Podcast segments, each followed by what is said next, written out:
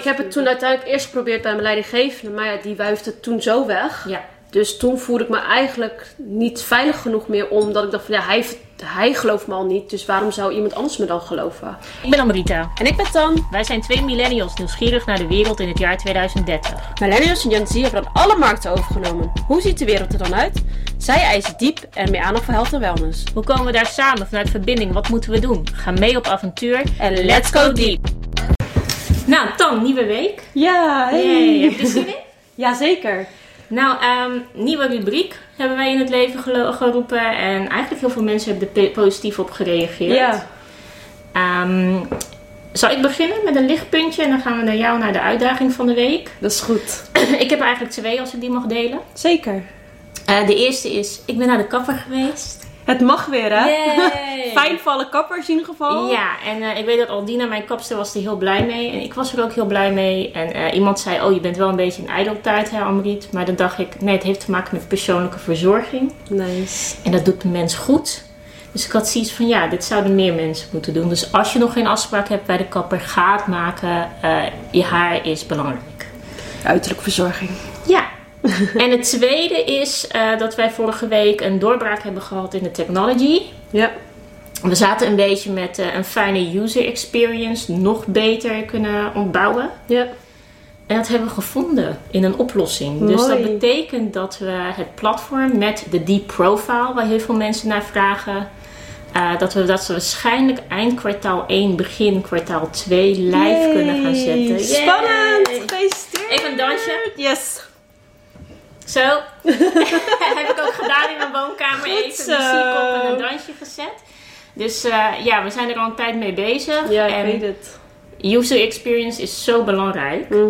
Vooral omdat, omdat het eh, voor ons een deep user experience moet zijn, moest daar even wat meer aandacht op. Dus eh, dat is mijn lichtpuntjes van de week. Coming soon. Ja, en wat is jouw uitdaging geweest? Ja, ehm, nou wat ik gewoon merk de afgelopen week, dat het eh, ondernemen in deze tijd gewoon nog steeds lastig is. En ik hoor Ja. eigenlijk meerdere ondernemers om me heen gewoon.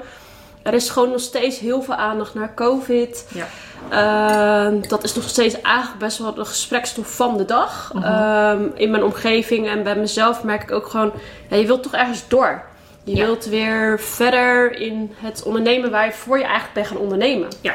Natuurlijk hebben we daar twee jaar een eh, soort pauze van gehad. Het, het loopt door. Mhm. Dus ik merk dat ik er zelf wel doorheen begin te komen. En ehm, ja, het nieuwe normaal probeer te creëren. Ja. En ehm Is COVID je mattie? ja, Hadden we ook veel reacties op gekregen. Ik denk, ja, dat is toch zo? Ja. Als het niet zo goed gaat in een situatie, kan je het beter omarmen en je weg erin vinden. In plaats van het constant van je af te houden. Dus ik snap je. Precies. En dat is ook echt wel de tip en de weg vanuit mijn kant. Ga het eens omarmen. Ja. Ga het eens omarmen van wat, wat zegt het je? Wat geeft het je mee? En hoe heb jij dat tot nu toe omarmd? Ehm, op verschillende manieren. Ik ben eigenlijk gewoon weer gaan zoeken waar ik joy in heb. Dus, eh, en dat is echt met mensen connecten. Gewoon mijn business toch gewoon verder gewoon neer te zetten. En voor de anderen te zijn. Ja. En gewoon naar leuke events gaan. Ja. Was- En zelf organiseren. Zeker. afgelopen maandag heb je de Deep Silence gehad. Wat was Ja. het? Ja. Silent. Nee, eh, ja, de Sit in Silence. Ja. Ja, Sit in Silence. Dat is eh, meditatie van een uur. Ja. Om echt even jezelf een uur te gunnen. En eh, ja, het uur klinkt opeens heel lang. En ehm, het is heel erg goed ontvangen. Van, ja. ja, toch even de tijd kunnen nemen om even een uur met jezelf te zitten. Heel spannend vinden mensen ook. Want het is denk ik ehm, het intense wat er is. Om gewoon echt met jezelf te gaan zitten. En heel veel mensen weten dat niet, maar ehm, meditatie en breathwork Mhm. en in, met mensen samen zijn Ja, valt ook onder inclusie. Want het heeft ook ehm, een gevoel van ja, verbondenheid, ja, van sense of belonging, met jezelf in contact komen, maar ook voor jezelf wat liever zijn. ja. Waardoor, omdat jij liever bent voor jezelf, dat ook uitstraalt naar andere mensen. En ja, het stressniveau gaat omlaag. Dus dat is ook health en wellness. Het valt onder inclusie, onder emotionele intelligentie. Ja, nou, daar komen we gelijk op ons eh, Ja. onderwerp van deze week. De tweede letter van diep, inclusie. Inclusie, de Ja. I. ja, je hebt hem net even toegelicht al. Ehm, ja, hoe wordt dit eigenlijk in bedrijven gezien, inclusie, volgens jou? Ik vind op dit moment dat inclusie het heel erg binnen bedrijven wordt gezet op sense of belonging. Voel jij je thuis bij een bedrijf of binnen een bedrijf? Kun je jezelf zijn? Of organisatie. Ik wil het wat breder trekken als bedrijf. Ja. Ehm, ehm, en het wordt heel erg buiten de mens gezet, eigenlijk. Dus het is heel erg op organisatieniveau. Terwijl inclusie, net als elke vorm van diep, gaat over mensen. Yep. En als je het hebt over sense of belonging, kan je wel een organisatiecultuur ontwikkelen vanuit beleid en het opvolgen van beleid en een kader. Maar eh, organisatiecultuur wordt gemaakt en gebroken door mensen. Ja. Dus dat betekent dat je eigenlijk de focus bij inclusie heel erg gaat leggen bij mensen. Ja. Dus je gaat aan de slag met je mensen en ontwikkelen daarin. En eh, wat ik nu zie is dat er heel erg vaak beleid wordt gemaakt zo uit een ivoren torentje. Nee, beleid werkt juist als je het vanuit verbinding met je mensen zelf Ja. eh, gaat reviewen en ehm, ja, gaat ontwikkelen. Ja, en eh, nou, jij komt ook uit het bedrijfsleven. Of, ja. en ja, we zijn nu natuurlijk allebei ondernemers nu. Ja, Ehm, en in die tijd ehm, heb je een, een periode waarin je echt wel jezelf echt kon zijn, zeg maar, in een bedrijf. En wat maakt het dat? Dat het daar wel... Nou, ten eerste is bij mij heel erg dat ik eh, uit een achtergrond kom, vooral uit de opvoeding, waaruit is eh, heel erg is gehamerd op wees jezelf, Ja. kom erachter wie je bent. Dus ik heb best wel een sterk fundament daarin. Mooi. Waardoor ik bij bedrijven binnenkom in dienst of als klant. Dat mensen altijd zeggen: Goh, Rita, je weet echt wel wie je bent. En dat is ook fijn. Ja. Ehm, ja, weet je, maar ik ben ook maar gewoon een mens. Dus soms heb, kom je in een situatie terecht in het werkveld. Ja, waardoor sommige dingen getriggerd worden. Ehm, ik heb bijvoorbeeld ook voorbeelden meegemaakt van seksuele intimidatie. Als we het straks hebben over een voorbeeld van de voice, komen we daar ook op. Zeker. Ehm, microagressie. Eh, maar uiteindelijk ben ik wel teruggekomen op wie ben ik en hoe ga ik daarmee om. En eh, dat geldt niet voor iedereen, wil Nee, ik zeker zeggen. niet. Dus eh, ja, nog steeds. Ik, weet je, ik loop al 18 jaar rond in het organisatie bedrijfsleven. Dit is iets wat ik denk sinds het begin van mensheid bestaat, inclusie. Mhm. Het is niks nieuws. Het is alleen dat mensen het soms als een soort van hype zien. Eh, dat is het niet. Net als diversiteit, wat we vorige week hebben besproken.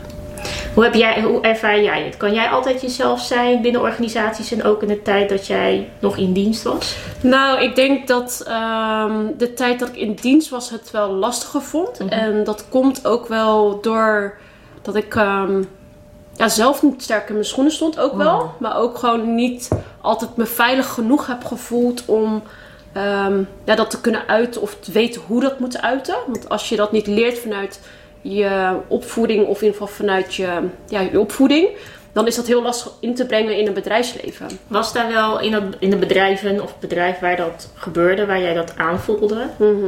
was er wel ruimte voor dat je dat kon aangeven? Nou, niet overal. Ik eh, heb wel echt een, eh, waar ik best wel lang heb gewerkt ook, heb ik me heel onveilig gevoeld. Ja. Ik heb in een groot project gewerkt als projectmanager. Ik werkte vroeger als een IT-projectmanager.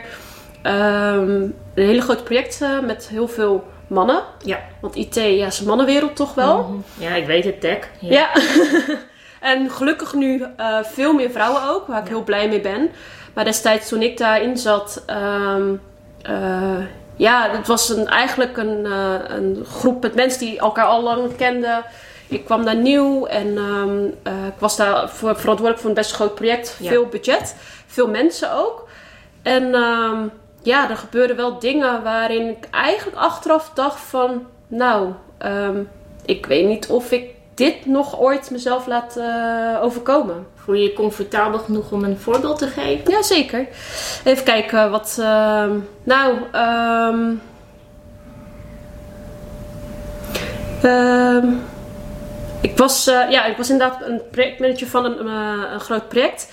En we hadden altijd elke week hadden we eigenlijk projectmeetings. Mhm. Om het project de voortgang te bewaken en ook te kijken hoe dat ging. Nou, er werden wel af en toe vrouwonvriendelijke opmerkingen gemaakt. Oh ja. Ja. En ook wel, ehm, ja, ik was best wel onervaren. En mijn eigen leidinggevende was ook mijn eh project, eh, programmamanager. Oh ja, ja. Dus eigenlijk een conflict in, ehm, eh, belangen. Ja. Want eigenlijk kon ik uiteindelijk nergens terecht met Hmm. mijn eh, dingen waar ik tegenaan liep. Ook niet eh, ergens bij een vertrouwenspersoon of bij de HR-afdeling die je daarin. eh, Nou, ik heb het toen uiteindelijk eerst geprobeerd bij mijn leidinggevende, maar ja, die wuifde het toen zo weg. Ja. Dus toen voelde ik me eigenlijk niet veilig genoeg meer, omdat ik dacht van ja, hij, hij gelooft me al niet, dus waarom zou iemand anders me dan geloven? En op dat moment had je het nog niet echt door wat Nee. er gebeurde. Je kon het ook niet onder de noemer plaatsen van intimidatie of seksuele intimidatie. Nee, ik voelde me gewoon vooral heel klein. En ik voelde vooral van, eh, ja, ehm, wat moet ik hier nou mee? Of ben ik nou mezelf ehm, aan het zeuren, aan het klagen eigenlijk? Van, nou ja, het zal wel niet zo zijn. Dus wat Mm. ik doe, kijk, ik ben een Aziat. Dus wat doe ik? Ik ga gewoon keihard door. Ja. Dus ja. ik ben eigenlijk nog harder doorgegaan om maar te bewijzen van, nee, ik kan dit wel. Ja. Ik ben wel goed genoeg om dit te doen. En uiteindelijk achteraf gezien heb ik mezelf eigenlijk gewoon in een, in een dikke burn-out eh, Ja. gewerkt. Ja. Want eh, heel veel mensen hebben dat niet door. Ehm, ik heb hier ehm, eh, de Nederlandse arbeidsinspectie openstaan. Jullie zien dat niet, maar er staat een laptop hier voor mij. En ehm, ik zal het even oplezen, want Ja. wat jij nu vertelt herken ik wel wat er wordt omschreven. Ja. Bij seksuele intimidatie gaat het om opmerkingen, gebaren en handelingen die seksueel getint zijn. En die werknemers als ongewenst ervaren. Nou, in jouw geval was dat inderdaad zo. Dat valt trouwens onder microagressie. Ja. Maar hoe vaker micro, microagressie komt, hoe meer het opbouwt. Eh, het kan gaan om verbaal en non-verbaal gedrag en om fysiek contact. Ja. Het is goed mogelijk dat de dader zich er niet bewust van is. Nou, 9 van de 10 keer denken ze het is een eh, grapje, Grapje, of iets ja. dergelijks. Het is onschuldig. Ja. En dat, eh, er staat hier hij zich, maar dit is ook behoorlijk, eh, dit kan niet. Dat de persoon Ja, ervan precies. maken, want de dader is niet altijd een man. Het is gewoon een mens, een persoon. Dat de persoon zich schuldig, ma- schuldig maakt aan seksuele intimidatie. Een opmerking kan misschien bedoeld zijn als grapje, maar dat maakt het niet minder serieus dan bewust seksuele intimidatie. En wat het heel interessant maakt, is dat er nu ingegaan wordt op wat de gevolgen kunnen zijn. Voor jou was het een burn-out, dus Ja. het liep zo hoog op. Nou ja, ik- ja, want ik wilde op een gegeven moment gewoon niet meer naar kantoor. En, En jij doet eh, ook lichaamswerk. ja, Dus één regel erin: het lichaam liegt niet. nee. Dus bij jou kwam het eruit in: ik wil niet meer Ja. fysiek. Ja, ik kon niet meer. Mijn energie was gewoon op. Ik kon niet meer opstaan eigenlijk. Maar wat ik al zei, ik ben opgevoed door gewoon door te gaan. Ja. Op te staan en door te gaan. En wat je net ook benoemt, het lijf zegt zoveel. Ja. Het lijf zegt echt heel veel. Nou, ehm, de Nederlandse arbeidsinspectie gaat daar verder op in en die zegt: eh, het valt eigenlijk onder de zogenoemde psychosociale arbeidsbelasting. Seksuele intimidatie kan leiden tot werkstress eh, en ziekteverzuim en uiteindelijk tot langdurig uitval en mogelijk zelfs arbeidsongeschiktheid. En hoe herken je het? Nou, de eerste signalen zijn vaak ehm, demotivatie. En eh, vaak een ziekmelding. Ik heb dat ook meegemaakt in mijn werk. Dat ik denk, waarom, ja, wat gebeurt daar? Ja, Overigens wordt er een heel stigma gezet op mensen die zich frequent ziek melden. Klopt. En als jij er op een afstand van bekijkt, kan je denken: oh, op mijn rapportage komt dit voor. Dat is iemand die zich expres ziek meldt. Je moet er eigenlijk achter komen wat er aan de hand Wat is de oorzaak? Wat is de bron? En eh, ja, hier staat ook: als zij uitvallen, is de stap terug naar werk extra moeilijk. Eh, ja, voor een werknemer is dat een hele vervelende situatie. En het kost de werkgever enorm veel geld. Klopt. Het prijskaartje van ziekteverzuim is al gauw. Weet je, burn-out is wat? Op zijn ergst is dat drie, vier jaar. Ja. Eh, Nederland heeft eh, doorbetaling van loon. Maar ja, je betaalt door, hè? Ja. En sommige werkgevers zijn niet eh, ver- verzekerd ervoor. Of die zeggen, ik pak het zelf, de kosten. Het kan zo oplopen in de kosten. Ja. Dus jij, had jij had de burn-out. Ehm, ik heb zelf ook wat voorbeelden dat mensen denken: Oh, Amrie, doe nou even niet. Weet je, ik ben HR-director geweest bij een bedrijf. En een andere director van de commerciële kant, die stuurde mij voor de lol wat mailtjes van een bikini-model. En dan had hij mijn hoofd daarop gefotoshopt. Ja. Als grap zeker. Ja. Dat, zo beginnen eigenlijk elke situatie. Ik hoor het steeds vaker. Ja. Alles als grap. Nou ja, kijk, ik ben niet op mijn mondje gevallen, dus ik stuur een mail terug en ik zeg: Ik weet niet wat voor grap dit hoort te zijn, maar ik ben er niet van gediend. Hou ermee op. Ik heb wetgeving eronder gekopieerd. en ik ben de HR director, hè. en ik heb gezegd, de volgende keer dat je dit doet, dan komt er een klacht binnen bij de CEO. En dan is de klacht van een direct, directieniveau naar een andere. En dit wordt echt wel serieus opgepakt, want ik ken die CEO. Kijk, en jij bent uh, niet op je mondje gevallen. Klopt. En het is goed dat je het uh, benoemt en weer teruggeeft Mhm. eigenlijk. En dan zelfs met een wetsvoorstel eronder. En wat ik eigenlijk vooral voor mezelf ook heb geleerd is... het maakt niet uit of het een paar dagen later is... dat je eerst in shock bent van wat er Ja. gebeurt... Maar geef het eigenlijk altijd aan. Ja. Ik denk dat het geen tijd meer uitmaakt wanneer het dan gebeurt. Maar probeer de kracht te vinden om mensen te vinden die je vertrouwt. En daarmee naar de vertrouwenspersoon of naar Ja. je HR-afdeling te gaan. Of naar iets waar je, waar je het in ieder geval kan melden. Want als we het niet melden, Dan blijft het bij je. En dan krijg je dus dat het op gaat hopen. En je fysiek, ja, mentaal denk je, oh, dat gaat wel weg en ik ga gewoon door. Maar je lijf liegt niet. precies. En bij jou was het ook zo. Ik heb ook een burn-out gehad. Dat was meer getriggerd door mijn auto-ongeluk vier Ja. jaar geleden. Vertel ik een andere keer. Is een beetje een ander onderwerp. Maar ehm, wat ik achteraf dacht is, ik heb niet geluisterd. Ja, En het is gaan opkroppen. En dat heb jij ook gedaan. Maar als jij inderdaad niet weet waar je naartoe kan gaan en eh, hoe je dat kan oppakken en met wie je dat kan bespreken, ja, dan blijft het bij je. ja. Dus eigenlijk is de tip: zorg ervoor dat je een, eh, een eh, mooie backup hebt, persoonlijk ook in je privéleven, met wie je dat kan bespreken. En bij organisaties of therapie of. Ja. eh, in ons geval doen we ook best wel veel gatherings waar mensen komen en daarover kunnen praten. Ja. Daarover praten doet goed, maar ook in verbinding zijn met mensen die zonder oordelen naar je willen luisteren en je gewoon omarmen zoals je bent. En voor organisaties is het ja, beleid, Ja. maar regelmatig onderzoeken hoe het zit met je organisatiecultuur, alsjeblieft. En soms ook sessies organiseren die specifiek hierop ingaan. ja. En heel veel voorlichten. En als, je in het, als het inderdaad gebeurt, wees consequent in wat je ermee gaat doen. Ehm, ik heb een keer een sollicitatiegesprek gehad. Dit is echt heel lang geleden, aangezien ik eh, heel lang eh, ondernemer ben. En dat was bij een eh, maritiem bedrijf. Ja. Was trouwens bij Alsies. Ik ga het gewoon name droppen. Ja. Ik denk dat die PNO-directeur er niet meer zit hoor. Dat is ook een man trouwens. Waarom zijn het altijd middle-aged witte mannen? Ik weet het niet. Ik wil niet labelen, maar... huh? En, Ik hoop dat het eh, niet zo is, zeg maar. nee. Maar het valt wel op. Ik had mijn huiswerk gedaan. Ja. Ik vind dat heel erg belangrijk. Ik heb gegoogeld. Ik ben ook naar ehm, commissie gelijke behandeling gegaan. Ik heb het bedrijf ingetikt. En er kwam dus tevoorschijn een dossier waarvan het slachtoffer daar bij Alsies werkte. was een vrouw. En die was dus seksueel geïntimideerd en aangerand. Wow. En toen dacht ik, oh, dit is wel heel serieus. Mhm. En eh, ze is in gelijkgesteld. Dus ik dacht, ik ga daar op gesprek en ik ga het gewoon benoemen. Ik, ik heb dit gelezen en ik wil weten, wat doe je er dan aan? Want Ja. ik vind dat heel belangrijk. Een Ja. veilige, vertrouwde werkomgeving creëren voor mijn medewerkers. Ja. En ook als ik ergens in dienst was. En eh, dit is een PDO-directeur, hè? Die lacht het gewoon weg. En eh, ik was even in shock. Ja. Dat ik dacht, wat, huh? En ik, heb toen, ik zat er toen pas 10 minuten en ik Mm. heb toen gezegd, nou als je dit al niet serieus neemt, dan weet ik niet hoe jij je PNO-afdeling runt. Ja. En ook niet wat de organisatiecultuur is. En ik beëindig hierbij dit gesprek. Ik Mhm. wens jullie heel veel succes, want dat heb je ook nodig. Ja. Echt.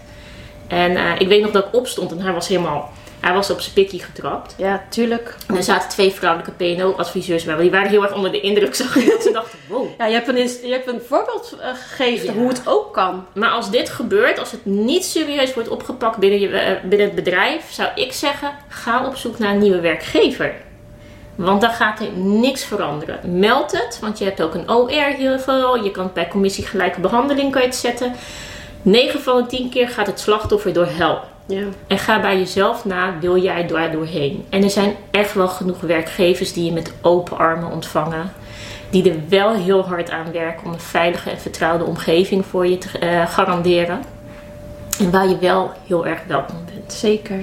En eh, volgend jaar krijgen we trouwens een wetswijziging. Ja, dat vertelde je me. Ehm, ja, er wordt, het wordt gewoon strenger. Je moet beleid hebben op dit punt. Met name op eh, ja, seksuele intimidatie. Omdat het ook onder inclusie valt. En eh, wat heel erg opviel is eigenlijk eh, iets wat al ik denk twee, drie jaar speelt. Want, uh, nou ja, The Voice, wat nu gebeurt, Ja, dat wilde ik net zeggen. is niet nieuw. Weet je, het gaat over machtsverhoudingen. Het gaat over ehm, wat is nou het echte verhaal. Nou, wat een wetswijziging nu eigenlijk voorschrijft, is consent. Ja. En dat is heel erg uitgekomen uit Hollywood, Harvey Weinstein. Weet je, die, daar is hetzelfde gebeurd als eigenlijk nu wat in eh The Voice, is gebeurd. Ja. Maar ja, als het in Hollywood zit, aan de andere kant van de oceaan, is het wat minder ja, heftig. ja, Op het moment dat het gebeurt in klein Nederland, dan is het... eh, is het opeens eh, een ding. Eh, en het is goed dat het een ding is, want het is iets wat constant op de agenda moet blijven staan. Maar een van de dingen die heel erg in de wet komt, is consent. Dus dat betekent dat er als er iets gebeurt, of je gaat, dat iemand iets bij je doet, zoals die eh, bandleider die bepaalde Ja. opmerkingen doet. Weet in ieder geval, zolang jij als persoon die eigenlijk het slachtoffer is, daar geen goedkeuring voor hebt gegeven, of je hebt met die persoon geen kader vastgesteld wat kan en wat niet kan, dan is er geen consent. En dat betekent dat die persoon strafbaar is. mm. Maar consent hebben is best lastig voor sommigen. Ja.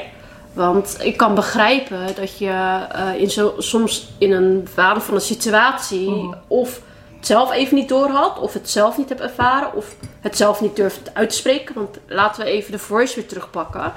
Ehm, ja, daar zitten allemaal hele bekende Nederlanders. Ja.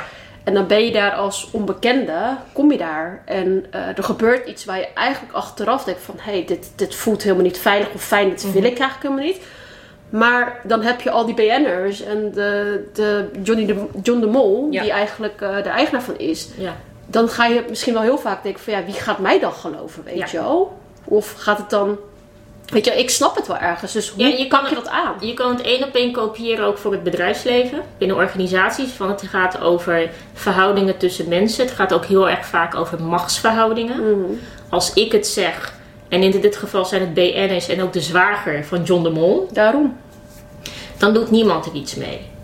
Ehm, persoonlijk heb ik het vermoeden dat iedereen het wist. Dus Dat denk elke, ik dus ook. elke BN'er die nou opeens zegt, nou ik wist er niks van en neem ik met een korreltje zout. Sowieso, vanuit de vorige aflevering heb ik al gezegd, alles wat in de media komt, neem ik met een korreltje zout. En ga vooral zelf onderzoek uit. Ja, en ik weet dat vandaag wordt hopelijk de uitzending van Boos uitgezonden onder het... eh, ik, ik vind dat journalistieke vrijheid, persvrijheid. Ehm, dan nog wacht ik af op het officiële onderzoek. Ja. Want het is een strafrechtelijk onderzoek wat nu ge- gedaan wordt. Ja. En ehm, ik ben daar ook heel erg voorstander van. Maar ook dan is het ehm, vanuit verschillende perspectieven bekijken. Ook al komt volgend jaar de wetgeving consent nog meer. Het is nu ook al heel erg belangrijk. En als het blijkt dat het inderdaad gedaan is, wat gebeurt er dan? Dus het is niet alleen onderzoeken, afstemmen met mensen, je beleid herzien, maar ook consequent handhaven. Mhm. En het is, beleid is niet zozeer, het is, het is niet statisch, hè? Het is in ontwikkeling. Dus wat vandaag heel normaal is, kan morgen heel erg anders zijn. Dus je bent, moet er constant mee bezig zijn. En stimuleer vooral je cultuur dat eh, hierover hebben. Ja, Dat, het, dat de taboe eruit gaan. Dat, Ja. dat je een veilige omgeving creëert waarin dit soort dingen besproken kunnen worden. En ik ben persoonlijk van mening dat de veilige omgeving, cultuur. Weet je, je organisatiecultuur staat en wordt gebroken door de mensen. Het gaat over gedrag, het gaat over mindset, van alles wat er tussen mensen gebeurt. Dat is ook de kracht van je organisatie. Dus dat betekent teruggaan naar de mens. En misschien wat je meer aandacht in de ontwikkeling van de mens doen. Zeker. Dus doe die dialoogsessies. Ehm, ga meten. Er zijn bepaalde manieren hoe je dat het meest effectief kunt doen. Eh, de dialoogsessies en alles erbij. Eh, jij doet dat ook in combinatie met lichaamswerk. Ja. Het is ook, ben jij comfortabel met jezelf als mens? Zeker. Want iemand die sterk in zijn schoenen staat, die weet waar hij naartoe kan gaan, ook al kan het niet meer, die blijft rustig. Mhm. En ehm, maakt niet uit wat er gebeurt, jij doorstaat de storm. Ja. En ik denk dat dat ook een stukje gezondheidszorg is, health en wellness op de werkvloer, dat je je medewerkers daarin traint. Daders, leidinggevenden of dat ze ook ook, want er zit een soort van sensitiviteit in, wat ook emotionele intelligentie is. Ja. En iedereen heeft daar baat bij. Ehm, ik vind het een, ehm, Ja, ik, misschien ben ik een beetje. eh, omdat ik er al 18 jaar in loop, is het wat moeilijk. Weet je? Om te zeggen: oh ja, nee, hè, het is erg. Het is heftig. Het bestaat al zo lang dat ik er niet meer eens ver- verbaasd over kan zijn. Nee. Ik had hetzelfde eigenlijk ook wel. Ja? Ja. Ik was er ook meer verbaasd over het. Ik vind het goed dat het nu ehm, meer in het nieuws komt. Dat er meer aandacht komt. Dat er beleid op komt. Dat we gewoon dit weer gaan aanpakken. Ja. Want het is nooit weggegaan. Klopt. En ik denk dat dat vooral voor mij gewoon fijn is. Of in ieder geval dat dat gewoon weer een agenda wordt. Want En ik wil ook even benadrukken: het wordt nu heel erg gewezen op mannen. Het zijn niet altijd mannen. nee, hè? zeker niet. Dit is eh, genderneutraal. Ook vrouwen en genderneutrale mensen kunnen dit eh, doen en ondergaan. Als slachtoffer en als dader. Ehm, er zit hier geen gender op. Terwijl de voorbeelden die heel erg genoemd worden, eh, heel erg gericht zijn op mannen. Maar dat is niet altijd zo. Nee, zeker niet. Als het gaat om interactie tussen mensen en om machtsverhoudingen. Het kan ook zijn een vrouwelijke eh, leidinggevende die dit doet bij een andere. Vrouw of man die het slachtoffer is, of hoe jij je wilt identificeren. Ehm, ik zie nu ook heel veel op social media allemaal verhalen, verhalen voorbij komen, wat heel erg begint te lijken op wijzen. Ja. Ja, ik hou daar ook niet van. Nee, als je wijst naar een ander, wijs je eigenlijk naar jezelf. Ja, dus ehm, daarom ben ik heel erg voorstander van onderzoek. En als jij dat niet zelf weet of kunt doen of denkt, nou dat is toch wel een beetje raar dat je belangenverstrengeling krijgt, zet het buiten de deur. En misschien is dat ook wel beter. Mhm. Om eh, mensen, de, want wij zien dat ook in de sessies, dat Ja. we dat eruit halen en dat er iemand zegt, ja, maar dat, kan toch niet? Ja, maar wij hebben hier niks mee te maken. Wij geven gewoon weer wat eruit is gekomen. En aan jou de keuze of je er iets mee wilt doen. En Precies. vaak moeten mensen nog even over dat stukje ongeloof heen. Dat het ook echt gebeurt. Ja. Uh, dus hoe vaker dit in de media komt, hoe beter ik het vind. Het is alleen dat het nu begint te lijken op een heksenjacht af en toe. Uh, want het was, eigenlijk begon het balletje te rollen met Marco Borsato, toch? Ja, Mark Passato. En dan uh, volgens mij daarna door de boosuitzending was uh, die bandlid Rietbergen. Oh ja, ja dus die is gewoon uh, die zwager ja. van hem. En, ja. en Ali B. Ja, waarvan ook wordt gezegd, Ali B zei, er is aangifte tegen me gedaan, maar ik weet niet eens door wie en door wat. Dus hoe kan hij zichzelf verdedigen? Daar heb ik ook zoiets van, ja, dat is eigenlijk ook niet erg handig. Terwijl de media duikt er bovenop. Ja. Alles staat er vol mee en ik snap het wel, het is heftig. Maar tegelijkertijd denk ik, we hebben nog steeds hoor en wederhoor. En dat gebeurt in een onderzoek. En tegelijkertijd weet ik ook dat het heel vaak onder het kleed wordt geduwd. Dus het is juist goed dat de uitzending van Boos misschien wel doorgaat. Ik hoop het. Ik hoop het van wel eigenlijk. Uh, maar nog steeds als je ernaar kijkt, wees wat meer objectief erin. Ja. En wacht gewoon af wat eruit gaat komen. Het is meer sensatiezoekerij af en toe. Ja, dit vind ik wel met me onze media. Ja. Zeg maar. Het is echt wel ernstig hoor. Don't get me wrong. Maar wat er nu bovenop wordt gegooid is gewoon sensatie. Ja. Kijkcijfers, uh, hoog kijkcijfersgedrag eigenlijk. Ja, kijk en we hebben het nu heel erg specifiek inclusie in combinatie met seksuele intimidatie, met hashtag MeToo, wat nu heel erg weer opgerakeld wordt. Maar inclusie in de kern gaat over uh, een sense of belonging, een veiligheid, verbinding, vertrouwen bij jezelf van Mhm. binnen, maar ook in de organisatie. En als je hem verder trekt, ook in de samenleving. Zeker. Dus uh, vergeet dat niet. Er zijn ook hele goede voorbeelden om te zeggen: oh, dat is een goed voorbeeld waaraan je kan werken. Organisaties die van tijd tot tijd dialoogsessies doen, uh, hun uh, beleid goed onder de loep nemen en weer ontwikkelen. Ja. Uh, metend van zijn we echt goed op weg, klankborden en ook transparant zijn in hun proces dat ze doen. Ja. Want de mensen die bij jou komen, die hebben natuurlijk ook hun eigen verhalen. Helaas nu met COVID zie ik wel dat ze een beetje in de knoop zitten met zichzelf af en toe. Vooral, je merkt gewoon dat het uh, lastig is om uh, weer jezelf terug te vinden in de situatie van COVID. Maar ook de werksituatie, de thuissituatie die gecombineerd is. Waarin je ja, als ouder bijvoorbeeld veel ook nog met je kinderen bezig zijn. Waarin de scholen weer dicht gaan. Waarin ja, de leuke dingen ook nog steeds mm. dicht zijn. Dus het is één complexe uh, situatie geworden. Ja. Maar ik merk wel in de sessies die ik heb met de mensen dat we door stap voor stap doorheen te gaan. En echt weer even naar de kern te gaan van Ja. hey, waar word ik blij van? Of wat vind ik leuk om te doen? Waardoor je weer orde in je eigen situatie hebt en de rest weer aan kan. Zeg En ook van elkaar leren. Hè? Ja, Want als jij helemaal in je eigen wereldje zit, vooral nu als je thuis zit en je gaat niet naar kantoor, wat dan ook, Mhm. eh, dan is het toch wel een uitdaging om buiten jouw blikveld of je comfortzone te gaan. Dus dan is het fijn om in een groepsvorm te horen: Oh, doe jij dat zo? ja. Misschien kan ik één klein ding morgen eh, veranderen, zodat het voor mij wat lichter wordt Ja. en luchtiger wordt. En dat is ook de reden waarom eh, wij eh, deep gatherings doen. Ja, Elke de Deep Gathering. Elke laatste maandag in de avond van de maand. ja, vierde Ja. maandag. Ja. Vierde, ja. En dan komen mensen samen. Soms is het gewoon dat we samenkomen en we zien ter plekke wat we gaan doen. Soms hebben we al iets ingepland. Op dit moment is het op donatiebasis, omdat we het ook zo breed mogelijk willen trekken voor mensen die niet zo'n grote portemonnee hebben. Ehm, ehm, ja, en, en je ziet gewoon dat mensen daar heel erg van gaan opbloeien. En eh, ja, als wij dat lichtpuntje kunnen bieden in jouw week, dan is dat heel fijn. Ja. Jij biedt ook andere eh, sessies aan, breathwork. Ademhaling is zo belangrijk, mensen. Ja, het, het is soms vergeten we het, maar je doet het heel de dag. Ja. Dus eh, de, ja, de voordelen van een, echt een ademsessie en daar bewust mee bezig zijn, heeft zoveel voordelen. En ook meditatie. Als je wil weten wat het nou eigenlijk is, ga naar de website.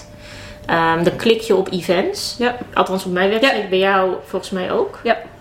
En dan kan je dat openklikken en dan zie je eigenlijk een klein stukje over meditatie, over breathwork, wat het is en welke voordelen je eraan kan aan linken. En dit is eigenlijk, wij doen niks nieuws hè mensen. Ik blijf het zeggen. Dit is al iets wat ja, eeuwenlang bestaat. Het is alleen, ja, de westerse maatschappij is daar vaak niet van bewust. En eh, voor ons is het een tweede natuur, omdat wij, eh, nou ja, we leven in twee werelden, westers, Aziatisch. Dus voor ons is het van, oh, ja, wat voor ons normaal is, kan misschien voor een ander nieuw zijn, maar wel een hele fijne oplossing. Ja. Dus wees welkom. Ja. Ehm, zullen we gaan afronden voor nu? Ja, zeker. We willen het ook heel kort houden. We willen niet eh, een urenlange podcast hebben. Nee. Ehm, wil je meer informatie? Kijk dan even op de website van beide, tanhelp.nl en gainsolutions.com. Eh, we zetten het ook in eh, de links, in de berichten dat we delen. Wees welkom. Eh, deel alsjeblieft wat jij vindt over eh, het onderwerp inclusie. Misschien wel over The Voice, Harvey Weinstein, alles wat actueel is. We gaan ook de link delen naar eh, ja, wat er over seksuele intimidatie wordt gezet en wetswijzigingen. Ja, en ik ben daar eigenlijk wel benieuwd. ja. Ja. En de volgende. Ja, de volgende gaat over equality. Ja. Ehm, vandaag is er een briefing in de Tweede Kamer over wat er gaat komen met betrekking tot COVID en de wetswijzigingen of maatregelen. Ja. En op de agenda staat 2G. Dat is een eh, hot topic. ja, zeker. En dat gaat heel erg over mensenrechten. Equality zit daar ook in. En volgende week gaan we het hebben over eh, wat is dat equality? Met het voorbeeld gelinkt aan eh, ja, 2G of Ja. COVID-maatregelen. En eh, twee voorbeelden van bedrijven waarvan we dachten, huh, is, dat, is dat equality? Ja. Eh, maar je doet iets met diversiteit en inclusie en dan ga je dit roepen als CEO.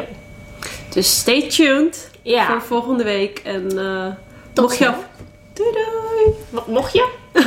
Mocht, je al, mocht je al iets willen delen over equality, kan dat natuurlijk altijd. ja. Dat wilde ik eigenlijk Dus, alleen nog zeggen. Gooi het er maar in. Is goed. Doei! Allereerst bedankt voor het luisteren en kijken. Wil je ook diep gaan? Volg en like ons op social media en laat een bericht achter. En voor informatie kan je kijken op tanhelp.nl en gainsolutions.com.